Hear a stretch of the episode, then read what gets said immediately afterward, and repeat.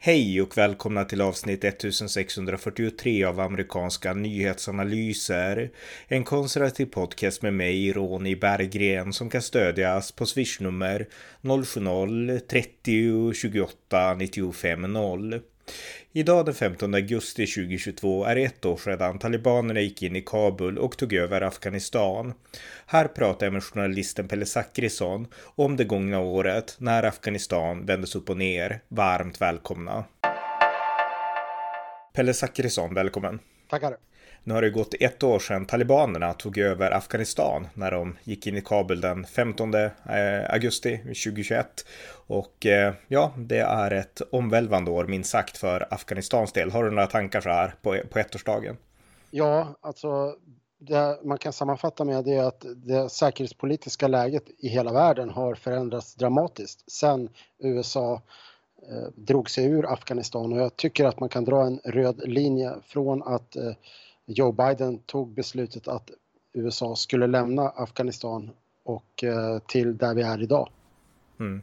Och eh, vi kan, ja, alltså det, det, är mycket som tyder ändå på att Putin kan ha sett det som hände i Afghanistan och han tolkade det som ett tecken på svaghet och eh, eh det kanske blev åtminstone en, en pushfaktor för honom att gå in i Ukraina också. Det, det jag, jag finner det ganska troligt att, att det kan vara så.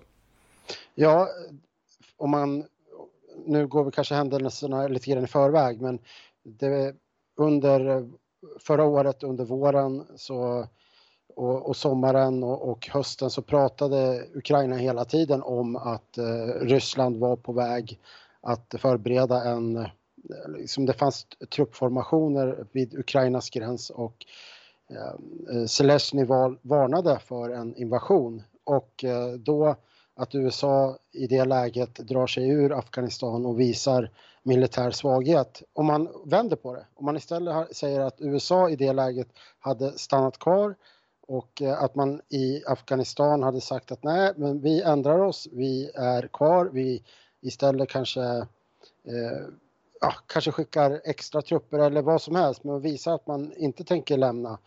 Eh, då kanske det hade skickat signal då till till Putin om att eh, han, han borde ompröva sin strategi för, för Ukraina. Mm. Ja, Biden han eh, signalerade svaghet helt enkelt och det har fått återklang i hela världen.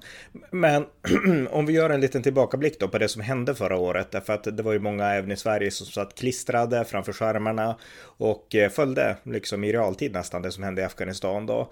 Eh, det började med att talibanerna avancerade mot Kabul. Vi kan till och med gå ännu längre tillbaks bara för att säga att USA gick ju in i Afghanistan 2001 efter terroristattacken mot USA den 11 september 2001 när terroristorganisationen al-Qaida attackerade USA och al-Qaida Eh, de här, härbärgerade ju då i Afghanistan som styrdes av talibanerna och USA under George W. Bush gav talibanerna ett ultimatum att utlämna al-Qaida. De ville inte det och eh, USA gick in så att det var där det började och sen så var ju USA i 20 år då i Afghanistan och eh, man slog ut al-Qaida och man försökte bygga upp en demokrati då. Men mm. det som hände det var att talibanerna de började göra comeback och eh, ja, förra året då, redan under våren, då började ju talibanerna ta över allt fler städer. Kandahar föll och stad efter stad i Afghanistan eh, föll för talibanerna. Och eh, vid den här tidpunkten så hade USA bara 2500 soldater i landet också, sen ungefär 6000 NATO-soldater.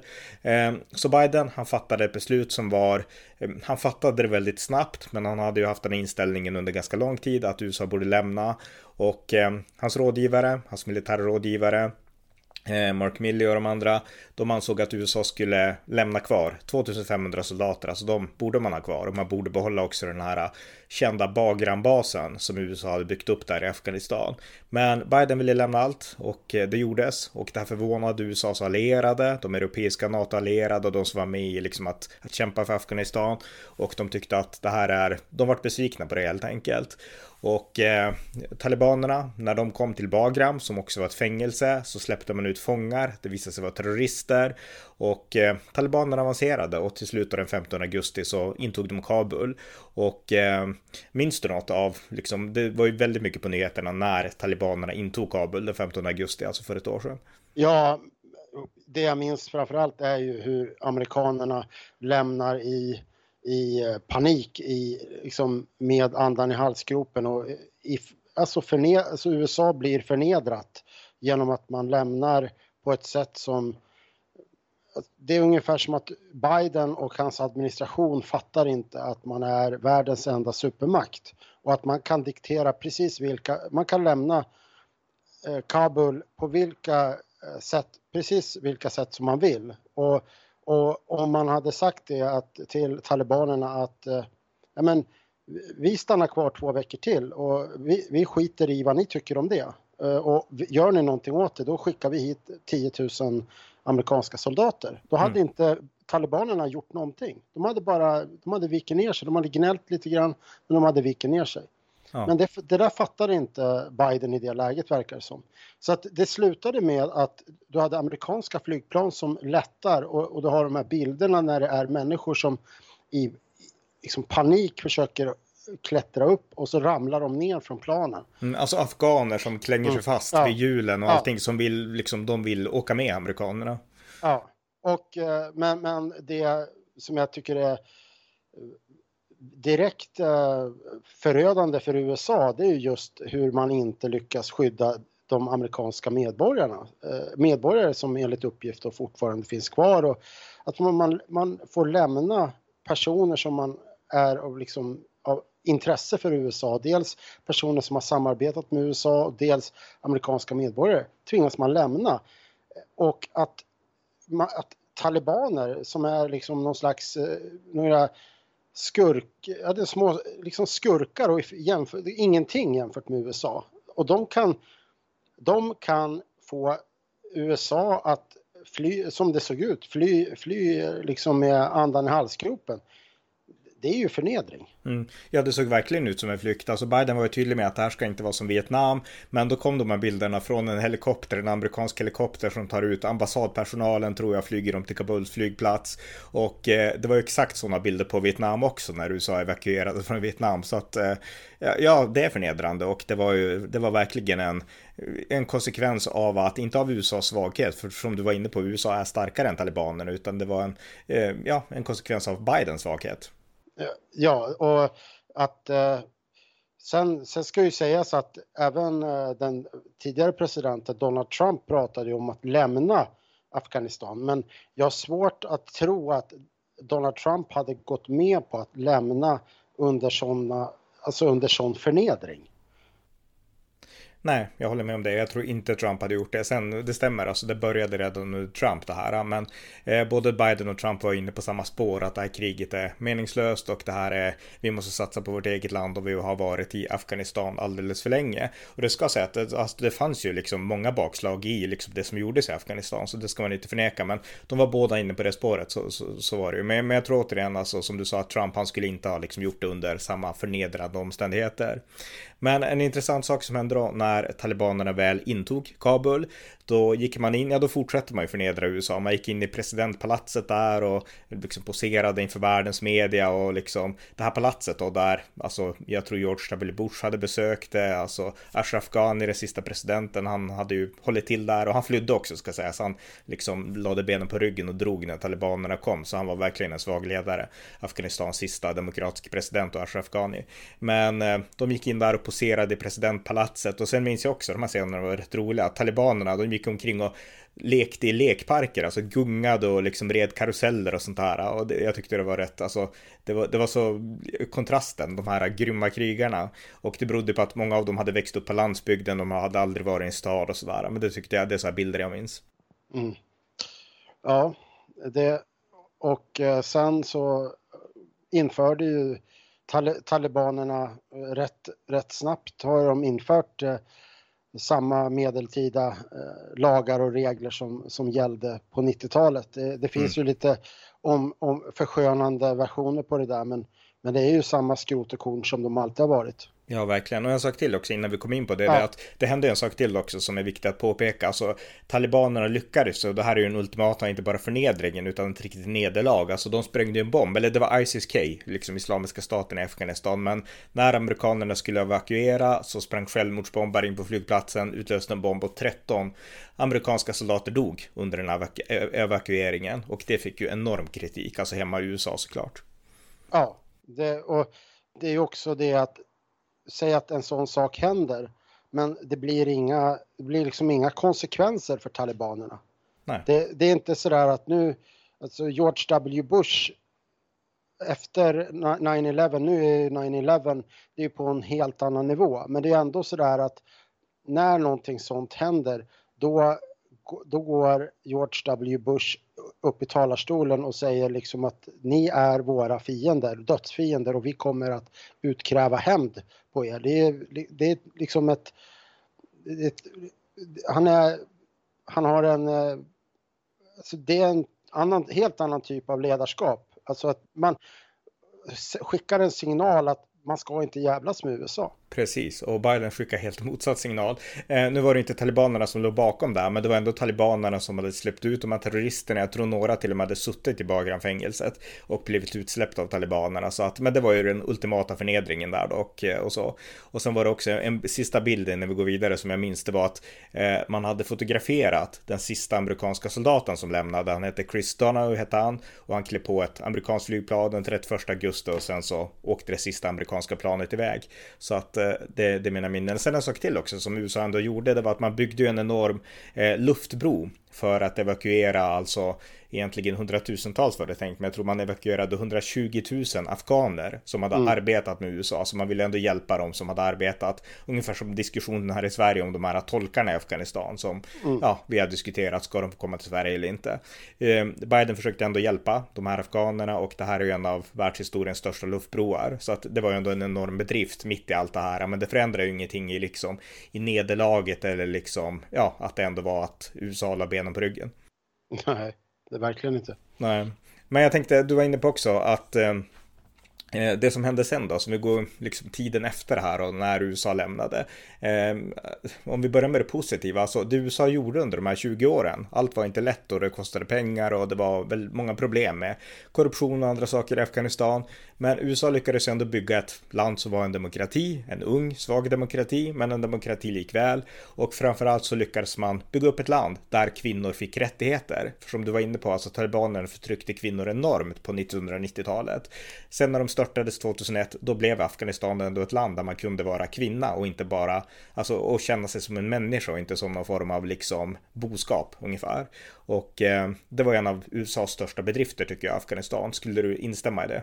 Jag skulle säga, jag skulle vilja modifiera det där och säga att man, eh, det här, man, man gick in mer in i det där projektet med eh, naiva ögon. Man trodde att det gick att bygga en demokrati det går inte att bygga en demokrati i, eh, där det inte finns demokratiska det finns liksom inget fundament för en demokrati. Däremot så kan du skapa förutsättningar för kvinnor att eh, leva bra liv och så vidare. Du kan skapa det här samhället men du kan inte du måste förstå varför du ska vara där. Du kan inte, det är väl den stora missen som nu kan inte jag neokon, Eh, neokonservativa, alltså det här Bush, eh, liksom gänget kring Bush, riktigt deras eh, filosofi och det, det, kan ju du mycket bättre. Men just det här att nationsbyggandet, det, det är en, det är lite av en naiv dröm tror jag. Att, men om man istället har som ingångsvärde att det handlar om att bevara en att bevara den amerikanska hegemonin då, då går det att, eh, tycker jag, att försvara att man är där. Och om man hela tiden ser utifrån att man måste bevaka den, den liberala demokratin liksom utvärlds eh, på, ett, på en eh, global nivå, då kan man ju tänka sig att, att när, när man då sätter upp, eh, när man då tar kontrollen över Afghanistan, då ser man till att hålla den ett fungerande samhälle. Som en strategisk bricka mer då än snarare liksom att man hoppas på samhället som sådant?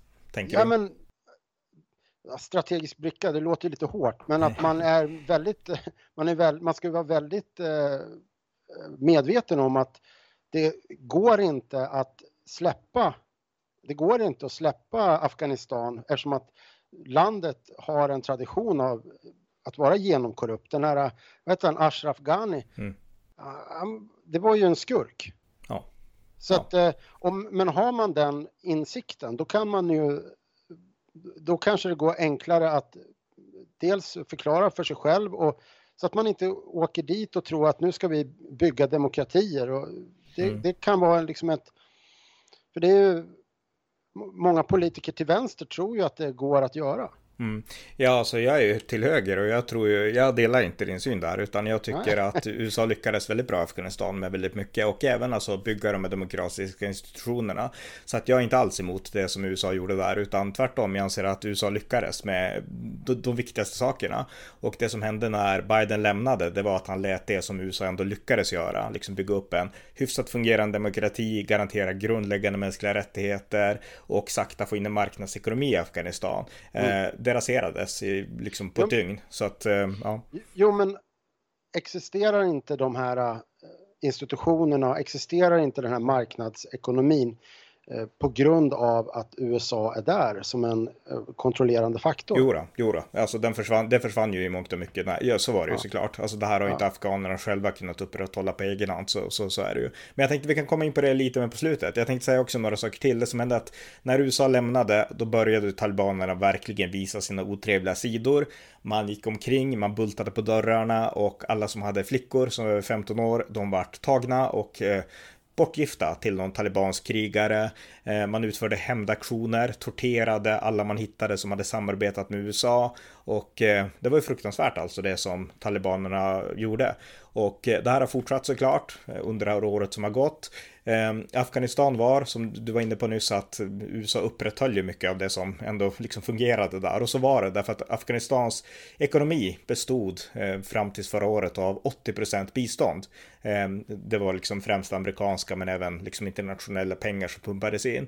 Och eh, nu får man inte det längre, för USA vill inte ge pengar till talibanerna, så att nu är Afghanistan superfattigt och 97 procent av Afghanistans befolkning, de håller på att falla ner under fattigdomsgränsen och människor människor har inte råd med mat eller mediciner och liknande. Därtill så lider Afghanistan just nu av en enorm torka. Det är svårt att få arbete och ofta så måste ensamma ungdomar arbeta för att försörja en hel familj på 10 personer ungefär. Och flickor då, vi var inne på kvinnor och sånt, de får inte gå i skolan från, jag tror, om det är andra klass. De får inte arbeta, man får inte lyssna på musik och liknande. Och att eh, ja, bostäderna, hemmen, det är ungefär som fängelse för kvinnorna. Så att eh, det är ju, ja, så ser det ut i dagens Afghanistan. Så att det har verkligen blivit fruktansvärt under det här året med talibanernas styre. Det, det jag har förstått det som det är att flickor får, de får inte fortsätta secondary school och det motsvarar väl högstadiet. Okej, okay, det är så det är. Okej, okay, ja. högstadiet, just det. Precis, ja. secondary, helt rätt. Bra att du ja. sa det. Mm. Så att, men, men det är ju en det är ju rent medeltida. Så att det ja. finns ingenting att jämföra med väst, väster, liksom väst. Nej. Såklart. Nej, och en sak till som hänt också, och det här för oss in lite grann på, som vi ska resonera om konsekvenserna. Alltså, nyligen så gjorde USA en operation i Kabul med en drönare, och man slog ut al-Qaidas ledare, Ayman al-Zawahiri, som eh, ja, var bin Ladens efterträdare kan man säga. Och eh, det var såklart bra att han dödades. Men talibanerna, de hade ju lovat att inte längre härbärgera al-Qaida. Det var ju ett av de här löftena som man hade gett USA och ett av villkoren för att USA skulle lämna. Det var ett avtal som Trump arbetade fram. Och han kunde ändå få komma till Kabul och visas synligt där. Så att eh, det verkar som att eh, Afghanistan återigen håller på att bli ett eh, laglöst land, eller ett, ett islamiskt land då med talibanerna som styr, men ett land där Al-Qaida och andra terroriströrelser kan operera i frihet och planera och liknande. Och det var ju det här som gjorde att USA gick in i Afghanistan 2001. Därför att terroristerna hade ett helt land där de kunde liksom träna och liksom förbereda operationer i princip, inte helt öppet men i liksom nästan synligt utan att väst kunde göra någonting. Det var det som gjorde Afghanistan farligare än Eh, ja, andra delar av världen och Mellanöstern, att här hade de ett helt land. Och eh, nu verkar det bli som igen. Alltså det är inte exakt så, men, men det, det verkar gå åt det hållet. Och eh, jag är mycket oroad över det. Vad har, vad har du för tankar om det?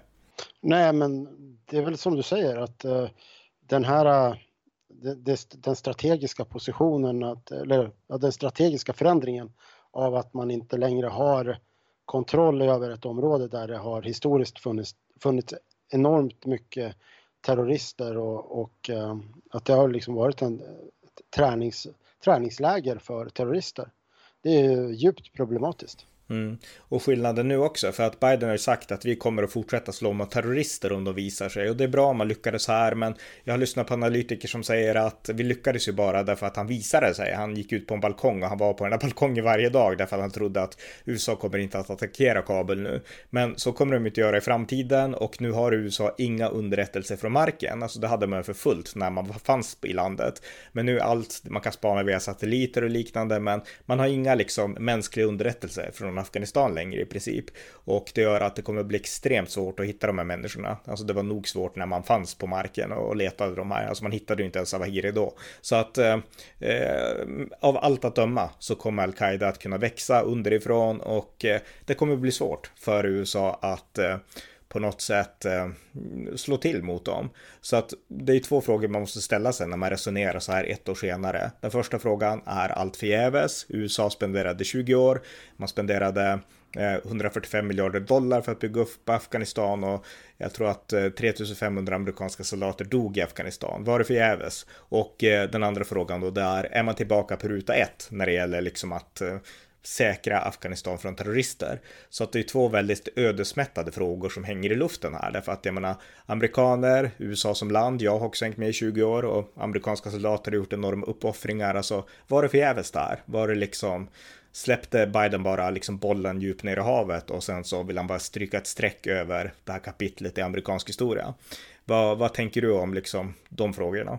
Ja, men det är där jag är lite inne på, att för att du ska kunna få legitimitet hos den amerikanska befolkningen då som ska betala för eh, en för att USA ska eh, hålla Afghanistan, då behöver du ju förklara och på ett rationellt sätt varför man ska vara där, varför USA, varför det är en vinst för USA att USA har trupper i Afghanistan, långt borta, liksom, i långt bort i stan. För många amerikaner har inte en aning om vart Afghanistan ligger på en karta. Mm. Och varför ska amerikanska unga pojkar och, och, kvinnor, varför ska de offra sina liv för ett, liksom, som en del amerikaner säger, då, shithole country? Mm. Det, det är, du behöver kunna argumentera för det och då behöver då ska du, det kan, visst, det kan ju låta bra med nationsbyggande och sådär, men du behöver ha ett rationellt argument varför det är i USAs intresse. Mm. Så, så ser jag på det. Du, du måste kunna förklara det för amerikanska skattebetalare. Ja, eh, jag tycker att svaren finns här och svaren är att inga amerikaner har dött i Afghanistan på år och de har inte varit med i aktiva strider sedan 2014 utan det var 2500 amerikanska soldater kvar i Afghanistan vilket kan jämföras med de här 30 000 i Sydkorea Absolut. och liknande. Så att det var ju inga soldater som fanns där och de här räckte för att ändå upprätthålla. Nu var det så att talibaner avancerade på landsbygden därför att eh, och så, så var det. Men, men man kunde ändå upprätthålla Kabul och man kunde upprätthålla basen och liknande och eh, det strategiska intresset där, det var ju att upprätthålla den lilla demokrati som fanns och har Afghanistan som bas eh, för att fortsätta kunna samla ja, in information och, du, och, liknande. Ja, och du förhindrar ju du förhindrar dels kinesisk, du förhindrar mm. dels ryskt inflytande över i den globala makt, eh, mm. liksom maktkampen. Ja. Och det, det, är ju ett, en aspekt av det hela, men det är också det att du att USA, ett argument för att USA skulle ha stannat hade ju kunnat varit att USA är säkrare med en liten trupp, med en liten styrka eh, eh, soldater eh, på plats som inte, där det är väldigt få som dör. Mm. George W. Bush han hade ju en, eh, han motiverade ju sitt krig mot terrorismen med att eh, We're fighting the enemy where they live and plan, so we do not have to face them here at home. Det var liksom Bushs slagord, alltså att vi bekämpar terroristerna på deras spelplan så att vi inte behöver slåss mot dem här på våran spelplan. Det var liksom så han motiverade USAs engagemang i de här länderna. Och eh, det är väl en syn som jag, eller det är en syn jag skriver under på. Och jag skulle säga att konsekvensen av att inte göra så, det är ju det som har hänt nu. Afghanistan har fallit, jag menar Bidens utrikespolitik, den har verkligen varit misslyckad. Det första som hände hans första året var att Afghanistan föll. Och det som hände andra året var att Ukraina, nu föll ju inte Ukraina, men det var inte tack vare Biden. Eller lite nu, så på slutet då. Men, men alltså att Ryssland bara vågade invadera Ukraina. Så jag menar, Biden har verkligen haft en katastrofal utrikespolitik under sina nu nästan två år som president. Att, ja, att, att uh, Ryssland väljer att rulla in tanksen över, över den ukrainska gränsen när Biden är president, det kan ju vara en tillfällighet. Eller så är det inte det. Mm. Ja, precis. Eh, men ja, vad mer ska man säga? Finns det något mer att, att tillägga om det här? Alltså jag tycker så här att det är en katastrof att Afghanistan har fallit. Det borde inte blivit så här. Väst investerade 20 år och eh, vi får se om vi tvingas återvända någon dag. Det, det vet jag inte, men eh, det är i alla fall det är en tragedi i Afghanistan och tyvärr så ser ingenting ljusare ut utan det här är det är mörker tyvärr för Afghanistan. Ja, alltså det, det man kan säga som hastigast, det är väl att under under den att man får ju ställa hur under en, under en period då, som var under flera år när Afghanistan hölls av USA, varför kunde inte, det var väldigt många afghaner som var i Sverige, varför kunde inte de återvända till Afghanistan? Ja, i synnerhet då, ja, det, det, var väl inte USAs fel utan det kanske var vårat fel i Sverige. Nej, men man gjorde en bedömning då att säkerhetsläget, varför gjorde den svenska migrationsverket den bedömningen att Afghanistan inte var säkert. Mm.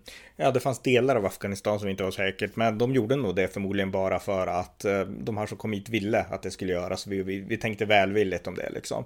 Eh, så att eh, det, den skulden faller ju på Sverige lite grann, men vi kan komma in på det som sista samtalsämne. Alltså nu har ju USA tagit emot 120 000 afghaner och det var inte Bush tanke, utan Bush tanke var att vi bygger en demokrati åt dem där. Vi tar inte hit dem liksom. Eh, USA under Bush tog ju inte emot många iraker heller, alltså när det var krig krig i Irak. Det gjorde man inte. Man bedömde det som att det kunde vara farligt rent säkerhetspolitiskt. Sverige tog emot massvis dock, ska sägas.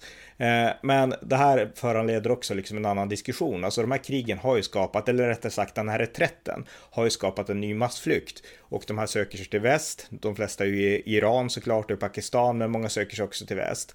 Och eh, det innebär också, jag menar här i väst och Europa idag så pratar vi väldigt mycket om invandring och massinvandring och att det är ett problem, vilket det är, det tycker jag och så. Men när vi inte är ute och agerar i världen, alltså styr upp saker ute i världen, då blir den här massinvandringen också en konsekvens. Så att det är också ett argument för att liksom engagera sig om världen, därför att vi kan inte liksom bara stänga in oss här. Gör vi det så blir till slut den här flodvågen så stark att vi absolut inte kan hålla emot, utan vi måste kunna göra två saker samtidigt, värna våra egna gränser och samtidigt agera ute i världen. Och sen beror det lite grann på vilket styrkeförhållande man har. Jag menar just nu är Europa och USA väldigt svaga, så vi har inte så många möjligheter nu. Men vi hade det för 20 år sedan, om 10 år kanske vi har det igen.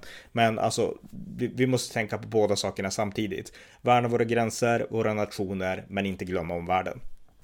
Så din poäng här är någonstans att om, om västvärlden, ja, i, i praktiken då USA, är mer proaktiva och eh, jobbar i, i andra länder som Afghanistan så minskar det eh, migra, migrantflödena till Europa och till USA. Ja, migrantflöden och säkerhetsrisker och terrorhot och allting. Så att det är av yttersta vikt att vi liksom kommer på rätt köl här igen och börjar engagera oss om världen. Men vi måste styra upp saker hemma först just nu därför att vi har släppt in så mycket skit här så att vi måste styra upp det först. Men när vi har gjort det så måste vi börja engagera oss mer tydligt om världen igen tycker jag.